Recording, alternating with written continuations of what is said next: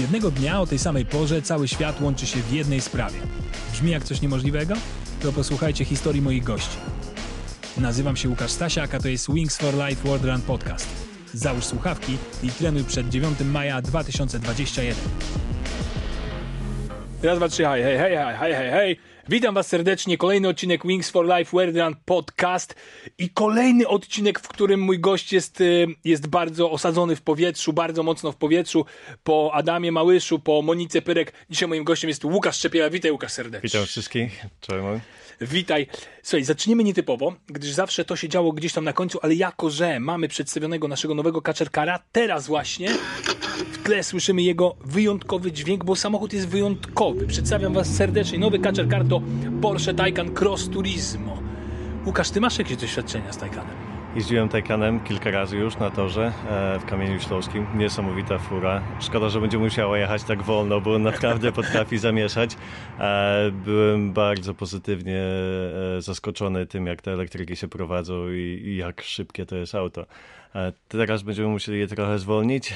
No właśnie. jako ten wirtualny samochód będzie tam za nami jechał na początku wolno, bo, bo tam te kilkanaście kilometrów na godzinę, ale na pewno jak zobaczycie na żywo to auto, to, to ja jestem niesamowicie zakochany. No mam nadzieję, że w tym roku będzie nas gonił, w tym roku będzie nas gonił wirtualnie, ale mam nadzieję, że już w przyszłym roku będziemy mogli wszyscy do niego podejść i kopnąć w oponę i tak jak się sprawdza samochód do sprzedaży klasycznie, rozbujać i w ogóle. I mam nadzieję, że wtedy sobie usiądę koło Adama i pojedziemy razem i no, to jest naprawdę, na, na, naprawdę niesamowita furka.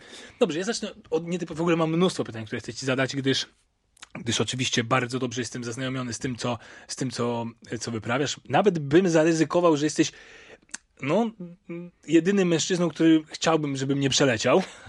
E, tak, tak, nawet na, na, taką, na taką wycieczkę e, sobie pozwolę. Czy ty się jeszcze, Łukasz, czegoś boisz w ogóle?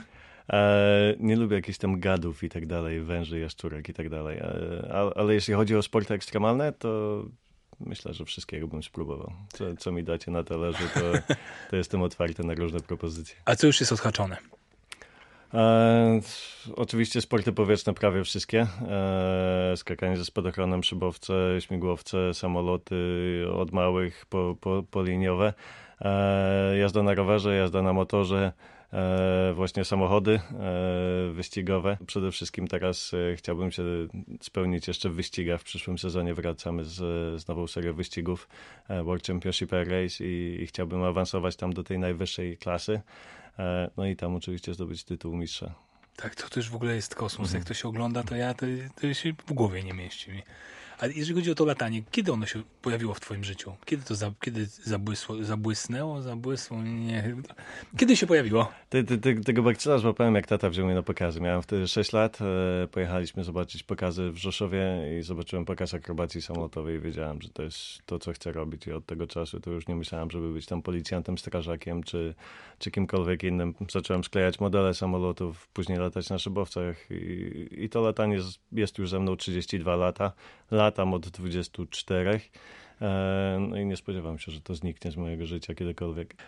Słuchaj, jak ja sobie tak myślę, no jak jest, człowiek jest akrobatą, nie? no to tak mniej więcej zaczyna od fikołka i tak mniej więcej jestem w stanie sobie to wyobrazić, jak się tego uczyć, jak wiesz, jak przechodzić do kolejnych figur. A jak się uczyć tych figur w powietrzu latając samolotem? Jak to wygląda? Czy to są masz opisane jakieś sekwencje? Jak to wygląda krok po kroku? Właśnie prowadzimy teraz ośrodek szkolenia, także zapraszam, jeśli macie licencję pilota, to, to można się to, to macie teraz dobrego instruktora dostępnego. Zaczyna się również od bardzo, te, tak jak mówiłeś, że fikołek to u nas jest to pętla, następnie beczka, później ramwers, korkociąg. Bierze się... Czyli ra rawers? Runwax, czyli samolot leci pionowo do góry, mhm. aż y, totalnie wyzeruje prędkość, wtedy wokół skrzydła zawraca i schodzi z powrotem pionowo w dół. To mnie zawsze przeraża. Jedna z takich podstawowych figur akrobacji. Mhm. Mm, I, I, mamy tych podstawowych figur chyba tam 5 czy 6. Uczymy się po kolei każdej z nich. Później składamy te figury w tak zwaną wiązankę.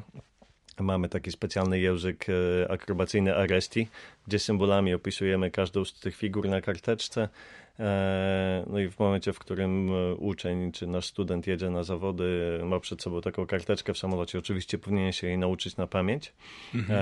E, zwizualizować to w głowie kilka razy, ale zawsze przed nim w samolocie jest jeszcze karteczka z tymi symbolami na wszelki wypadek, gdyby coś zapomniał albo przeciążenie było takie, że ściągawka. Cię, tak, ściągawka po prostu. Ale dozwolona, dozwolona ściągawka.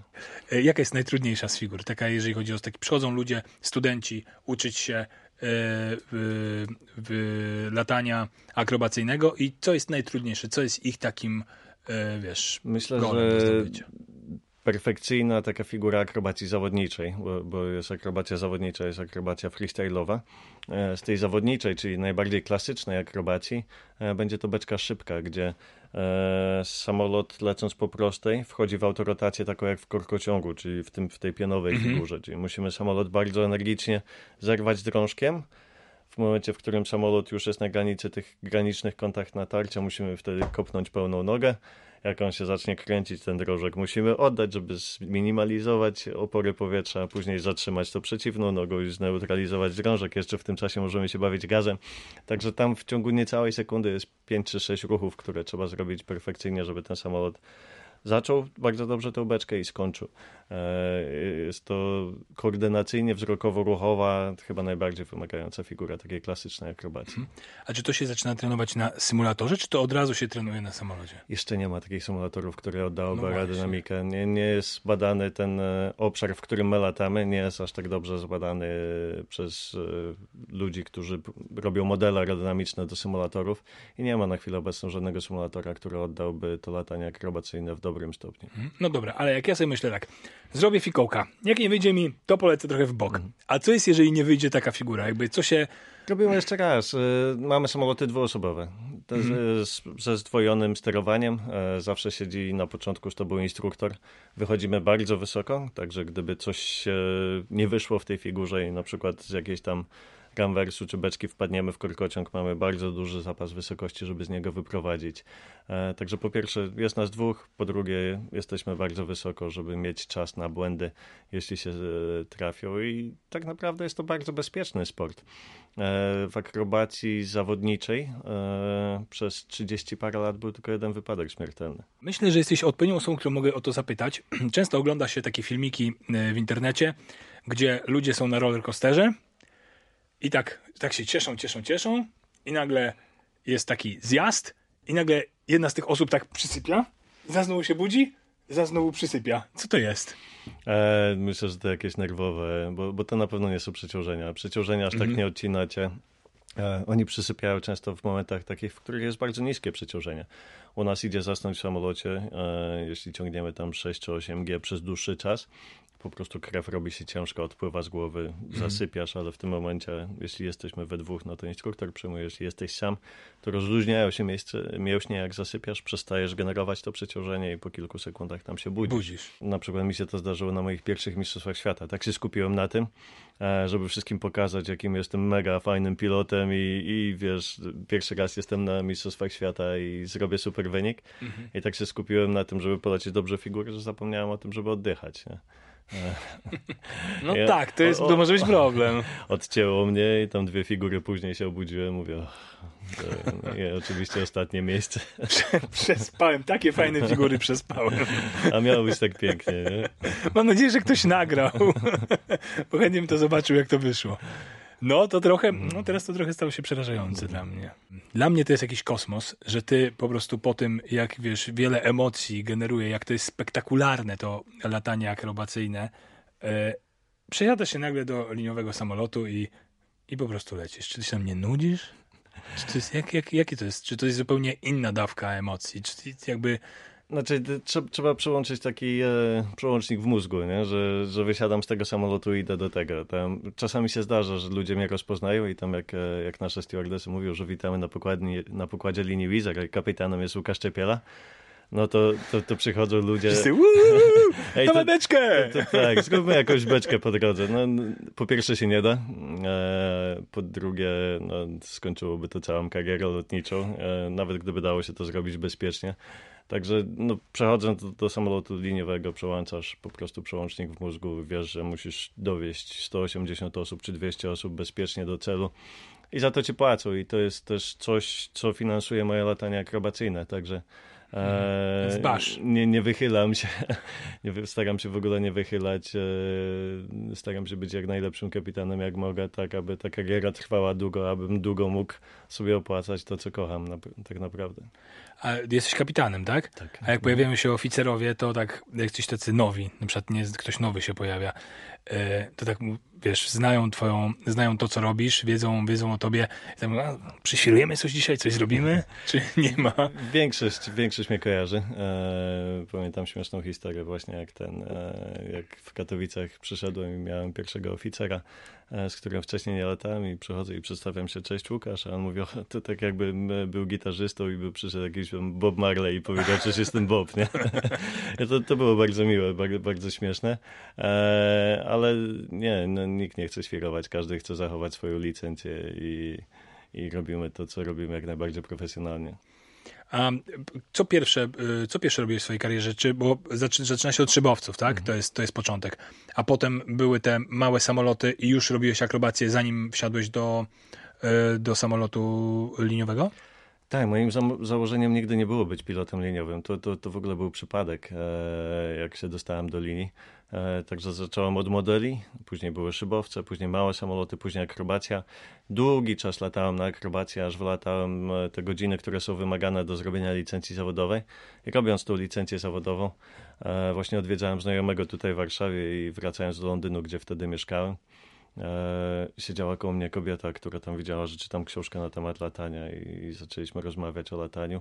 E, po dwóch godzinach takiej rozmowy, jak wyszliśmy w Londynie, to ona powiedziała, że bardzo miło było porozmawiać, że ona jest szefową działu rekrutacji w Lizerze e, i żebym przysłał swoje papiery. Także do linii dostałem się trochę przypadkiem. E, nie żałuję. Fajne latanie i fajny sposób zarabiania pieniędzy. E, ale tak, latałem na akrobacie dużo wcześniej, zanim zacząłem być pilotem liniowym. Przejdziemy teraz, wrócimy do tego latania e, akrobacyjnego i do twojego talk show, można powiedzieć. E, przelotne pytania. dużo już ludzi gościłeś w samolocie. Tak, myślę, że mamy za sobą ponad 20 osób z tego, co kojarzę. Wielu z nich siedziało u ciebie tutaj na, na, na, na tych podcastach również, z tego, co widziałem. E, I, I, lubię ten program. Fajnie jest dzielić się tą radością latania. To jest coś, co robię od 24 lat, a dalej sprawia mi niesamowitą frajdę. I siedząc w tym samolocie z, z kimś, kogo lubię, e, bo, bo jeszcze nie zdarzyło mi się, że dostałem gościa, gdzie bym powiedział, eh, Dobra, trzeba, trzeba, go tam sponiewierać. Tak? e, fajnie jest dzielić się tą lat, radością latania jak ktoś e, zakołowujemy do hangaru i otwieram tą kabinę i przychodzą wszystkie kamery się zapytać jak było i wszyscy mówią o zajebiście, nie? I, i to mi się strasznie podoba, że mogę tą pasję do latania pokazać innym i i co mnie najbardziej cieszy, to że Maciek Janowski E, czy Justyna Święc e, po, po tych lotach, oni zaczęli się zapisywać na kursy pilotażu. Tak, I, właśnie i, rozmawiałem z Justyną o tym, ona strasznie się tym zajarała, to w ogóle jakoś, ona, ona od razu ją zaraziłeś tym na maksa. Tak, to, to byłem pod takim wrażeniem, że ona jak przyszła do hangaru była bardzo przestraszona, nie wiedziała czego się spodziewać. E, usiadliśmy w kącie hangaru, porozmawialiśmy na spokojnie, obiecałem jej, że ten lot będzie mega spokojny, że nie będę robił jakiejś ekstremalnej akrobacji jak, jak z innymi.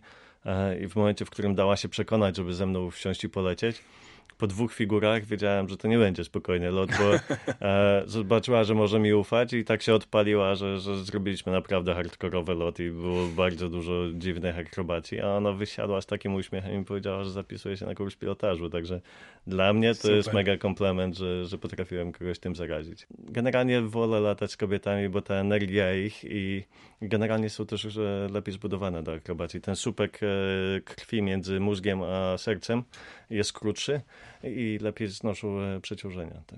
O, to ciekawe. No, Czyli anatomicznie tak. są bardziej przystosowane do akrobacji. A czy dużo jest kobiet, które latają tak profesjonalnie i naprawdę są kozakami w tym? E, na chwilę obecną mamy w Rosji dwie, we Francji cztery chyba i w Stanach może ze dwie. To niedużo. Na, na, naprawdę w zawodniczej akrobacji jest, jest bardzo niewiele kobiet. To niedużo.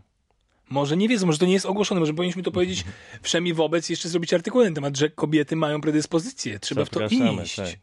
Trzeba to, drogie panie, halo, halo. Zapraszamy, samoloty stoją, czekają. Tak, trzeba, trzeba to ogarnąć, skoro, są, skoro mają lepsze predyspozycje niż mężczyźni, no to trzeba z tego korzystać. A robiłeś już jakieś takie rzeczy właśnie e, tego typu ekstremalne, że gdzieś tam czymś dotykasz, coś strącasz, albo jakieś takie wyjątkowe, tak jak widzimy Kuba Przygoński, widziałeś pewnie, mhm. jak on w tym drifcie łapał puszkę. Mhm. To było niesamowite. Pytałem go kilka razy, jak on to zrobił. To jest naprawdę szok dla mnie. A ty robiłeś jakieś takie rzeczy? E, te samoloty są zbyt delikatne. one są robione tak, żeby były jak najlżejsze. Mhm. E, także dotknięcie czegokolwiek e, stałego wiązałoby się z dużym uszkodzeniem i niebezpieczeństwem. E, kilka razy, oczywiście kilkanaście, zdarzyło się, że przeciąłem pylon, między którymi się ścigaliśmy. E, latając w Red Bull Race mieliśmy 25-metrowe e, pylony, wokół których lataliśmy i zdarzyło mi się zderzyć z takimi pylonami kilka razy, natomiast one są wykonane tak, aby nie, nie uszkodzić samolotu. Ale nawiązując do tego, tego, co zrobił Kuba, ty nalewałeś Red Bulla jeszcze w samolocie. Tak, to stary trik. E, to stary trik jeszcze z początków puszki. Tak, jeszcze z, z czasów wojny. Tak. E, był taki jeden legendarny pilot, Bob Hoover, e, i on wiele lat temu, w latach tam 70. nagrał trik, jak nalewa herbaty, lecąc samolotem pasażerskim, takim dwusilnikowym. E, był pilotem doświadczalny dla firmy, która sprzedawała te samoloty i chciał pokazać, jak one są manewrowe mhm. i zrobił coś takiego. E, niestety Boba już z nami nie ma jako taki tribut dla, dla Boba Hoovera nagrałem właśnie jak lecę swoim samolotem i nalewam Red Bulla do szklanki, a później piję to i Red Bull się nie wylewa, pomimo tego, że jesteśmy do góry nogami. No właśnie, e... i jak to się wydarzyło? Grawitacja. Znaczy, to, to są te przeciążenia, które generujemy. Latając mhm. samolotem po, w takiej spirali, e, cały czas wytwarzam siłę środkową, która wpycha mhm. ten napój z powrotem do, do, do szklanki. Także po prostu e, czysta fizyka. Ach, czysta fizyka, kochani. Nie tam jakieś czary. Trzeba było się uczyć w szkole. Dokładnie. No to do mnie trochę. nie, wiem, co jest siła odśrodkowa. Jak siedzi na rowerze i tak w kółko się jedzie, to trochę tak może wyrzucić. E, to, to samo na motorze, nie? Są tak. te beczki takie duże i ktoś jeździ po ścianie, będąc e, prostopadle do podłoża, no tak. także to jest dokładnie ta sama zasada działania. Łatwe, łatwe do wytłumaczenia. Mhm. Wracając do kwestii e, sprzętu. Ile procent w tym lataniu to jest, jest pilot, ile procent to jest, to jest maszyna? I czy twoja maszyna to jest super maszyna?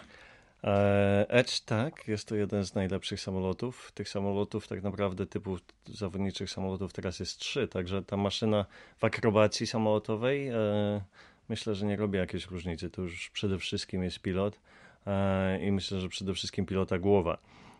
Bo nasz poziom ruszania drążkiem u wszystkich jest bardzo podobny.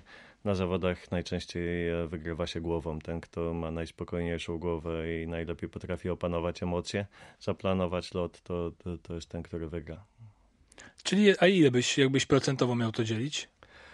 E, myślę, że 30% samolot, e, później ze 40% umiejętności, nie, może, może nie, może 30, 30 i 40 głowa.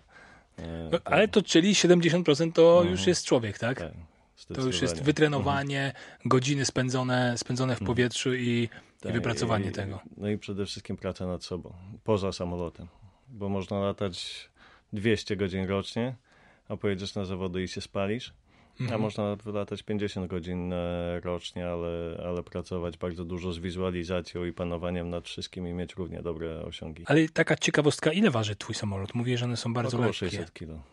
To rzeczywiście. Gotowy do lotu. Leciutki. 600 mhm. kilo, 350 koni, 600 newtonów e, momentu, także tutaj przede wszystkim tym momentem ciągniemy ten samolot. Ten.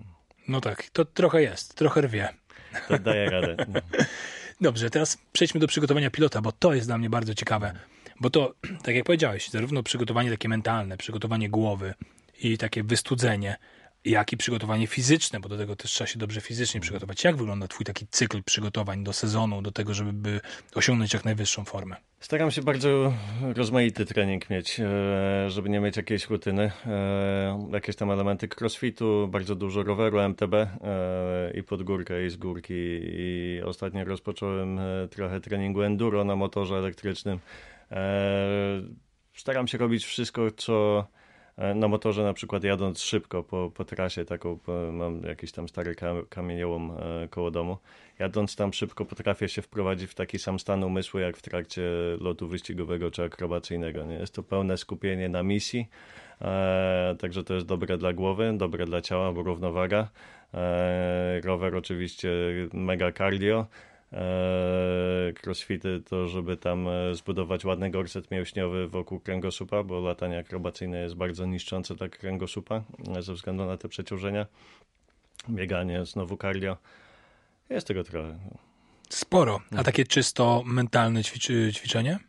E, od lat staram się nauczyć medytować. Obraż. E, bardzo różnie mi to wychodzi e, i bardzo dużo staram się pracować z wizualizacją. Siadasz spokojnie w hotelu, zamykasz oczy i lecisz samolotem. I staram się taki lot e, wyścigowy, na przykład przed wyścigiem, e, całą trasę przelecieć w głowie. Przynajmniej ze 150 razy, zanim wsiądę do samolotu i przelecę go samolotem, e, tak aby wiedzieć, co się spodziewać, gdzie będę co widział, jakie punkty obrać, że tutaj na przykład po tej, po tej bramce chcę wyjść na kościół i dopiero mijając trzecie drzewo od lewej zacznę skręcać do tamtej bramki, że to będzie najbardziej optymalna trasa przelotu. Wydaje mi się, że to jest jakaś taka super umiejętność, którą trzeba sobie mocno wypracować, taka wizualizacja. Mówisz 150 razy jeszcze to przelatujesz, mhm. więc to jest jakaś taka dla mnie kosmiczna rzecz. Jak to się trenuje? Tak, jest to cięż, ciężka robota i tego trzeba się nauczyć. Eee, to nie jest tak, że ja kiedyś sobie siadłem, zamknąłem oczy i widziałem cały przelot. Eee, tych, tych wizualizacji mamy bardzo dużo. Mamy wizualizacje wewnętrzne, gdzie właśnie siedzę w kokpicie i i mam zamknięte oczy i ruszam tutaj drążkiem, a tu symuluję, co będzie robił samolot. Później mam zewnętrzną, gdzie jakby patrzę na tor z zewnątrz i widzę, gdzie samolot będzie na torze. E, chodzimy też, e, układamy sobie właśnie z puszek Red Bulla bramki e, i chodzimy na nogach między tymi puszkami, starając się widzieć e, to, co chcę widzieć. Ciężka robota, ale... Kurde. Tego się nie spodziewałem. Strasznie dużo takiej, że, takiego trenowanie na sucho, nie? Bez, tak, tak, tak. bez wsiadania do samolotu, bez tego, bez tych akcji w powietrzu. Ale to oszczędza później dużo pieniędzy w paliwie i coś, co można zrobić na ziemi. Uważam, że powinno być zrobione wszystko, co można na ziemi, aby później jak najmniej czasu spędzać w samolocie, yy, poprawiając błędy, których można było uniknąć na ziemi. Odchodząc trochę od tego tematu, ale zostając jednak trochę przy nim. Czy dla ciebie jest coś, masz jakieś takie niemożliwe, czy sobie je ustawiasz i i zdobywasz kolejne? Ja myślę, że wszystko jest w głowie. Eee, także nie planowałem nigdy skoku ze spadochronem. Pojechaliśmy kupić samolot w Meksyku i właściwie powiedział, że nam go nie sprzeda, póki nie skoczymy ze spadochronem, także trzeba to było zrobić. Eee, uwielbiam chodzić po górach i, i też byłem na różnych szczytach, e, których pewnie nie powinienem był robić moim do, poziomem doświadczenia, ale jednak, e, jednak się udało kwestia nastawienia. Myślę, myślę, że nastawiając się w głowie na coś, że to zrobimy, jesteśmy w stanie wygenerować sobie tyle siły i odporności takiej psychicznej, że nie ma rzeczy niemożliwych. Fajnie jakby tak było, ale to nie jest takie proste, ale ty już wizualizujesz, więc ja wierzę, że ty jesteś na takim no, etapie. Pracujmy nad tym. Tak, to jest, jest, to, jest to kupa pracy. A jakie ty sobie stawiasz jeszcze cele? Czy są e, cele sportowe, czy jakieś masz takie jeszcze, wiesz, upgrade'y, większe samoloty, mniejsze samoloty, większe, większe zawody? Jak to wygląda u ciebie? Mam jeszcze dużo celów do zrealizowania. E, chciałbym latać samolotami z II wojny światowej, e, tak, takimi jak stoją właśnie w hangarze 7 w Austrii. Druga wojna światowa jest moją pasją od małego i uwielbiam historię i czytać o wszystkim, przede wszystkim właśnie o bitwie o Wielką Brytanię, która była największą bitwą lotniczą i chciałbym latać takimi samolotami. Chciałbym oczywiście zdobyć tytuł Mistrza Świata w wyścigach w tej najwyższej klasie, e, jak to teraz będzie GP1 nazywana. E, z personalnych marzeń e, chcę mieć dom, z którego wychodzę i obok domu stoi hangar, a za hangarem jest duży pas startowy.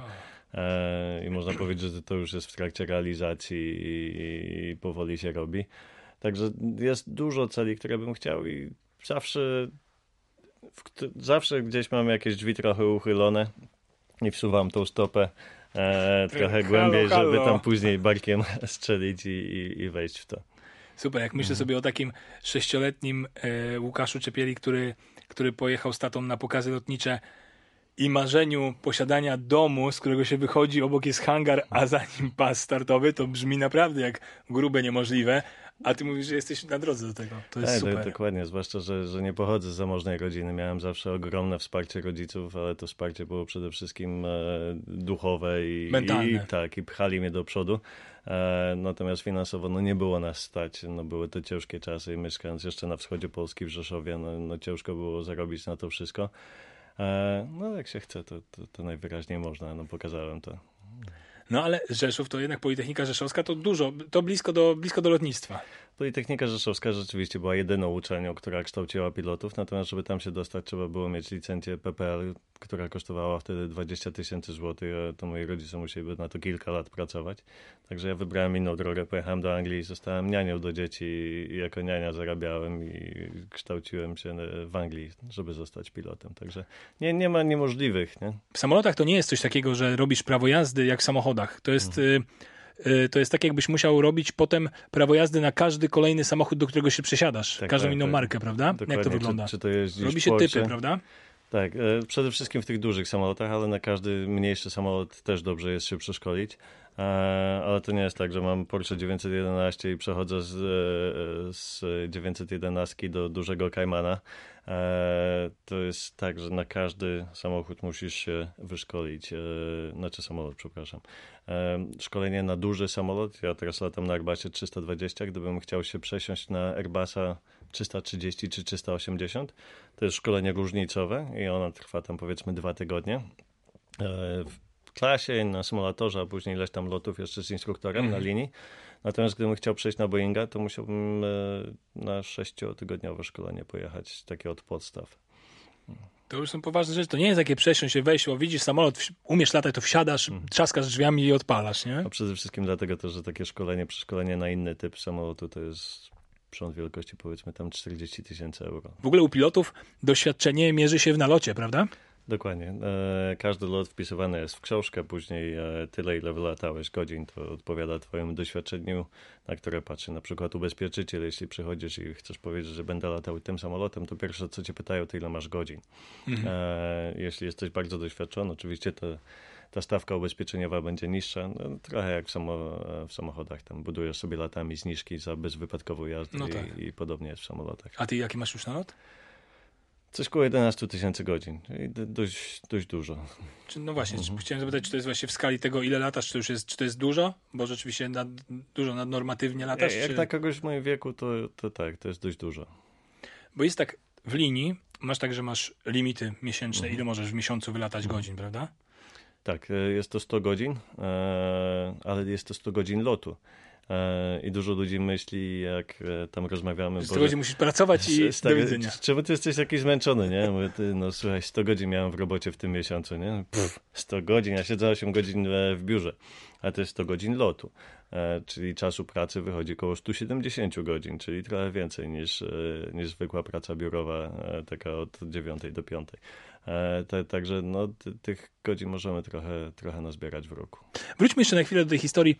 Ona może być, na pewno, jak ktoś cię zna, no to jest znana e, ty ją wspomniałeś, e, tym, że, że pojechałeś zarabiać na to, by latać, pojechałeś zarabiać jako, jako niańka, opiekunka, opiekun do dzieci. Czy myślisz, że teraz ktoś by spokojnie, znając twoją, tam czym się zajmujesz, zostawił z tobą dziecko? Oj tak, dzieci bardzo mnie lubią. O. Jak chodzimy gdzieś do To jest taki znajomych wujek, co, wujek, co weźmie do samolotu. I zawsze jest wujek, zrób samolot. Ale dzieci bardzo mnie lubią i na przykład jak jeżdżę do kolegi, który tam ma trzy córki i tak dalej, to, to te dziewczyny cały czas chcą się ze mną bawić i zostawałem z nimi. Powierzali mi ludzie swoje dzieci, także myślę, że twarz godna zaufania. Jakby coś, jakby, no wiesz, w pandemii różne rzeczy się dzieją. Tu też y, liniowe latanie jest dużo, Oj tak. y, jest dużo zmniejszonych tych godzin jednak w locie, nie? Te- Teraz pracujemy jak normalnie na pełny etat pracowaliśmy, żeby wylatać te 100 Te godzin, 100 godzin. tam około 22-23 dni w miesiącu. E, no teraz ostatnimi miesiącami chodzę jeden dzień w miesiącu do pracy, także jak coś to Jak ktoś Do- ma dziecko, stawka. jak ktoś ma dziecko do, do zaopiekowania, to jest, jest Łukasz i stawki są to takie troszeczkę lotnicze, ale, ale atrakcje, ale atrakcje samolot zrobię. tak, robi, robi świetny samolot. No naprawdę, przy tym, przy tym nalocie to jeden z lepszych samolotów, wujowych samolotów y, w Polsce. Słuchaj, prze, płynnie przejdźmy do, do Wings for Life, y, bo bo po to się tu też spotykamy. Ty już masz trochę biegów za sobą, co? Tak, teraz będzie mój piąty bieg chyba. To, ja, czwarty, ja, piąty. to ty, ty odpowiadasz. Ja nie, ja nie liczyłem ci. Wydaje mi się, że piąty. I jakie są twoje wrażenia z tego biegu? Mega, no bardzo żałuję, że znowu to będzie bieg wir wirtualny, bo te emocje. E, Wings for Life był pierwszym biegiem, e, w jakim uczestniczyłem, który był biegiem masowym. Zawsze sobie tam biegam dla treningu gdzieś po lesie za domem. Mhm. E, to był pierwszy bieg masowy i poniosła mnie ta energia tłumu.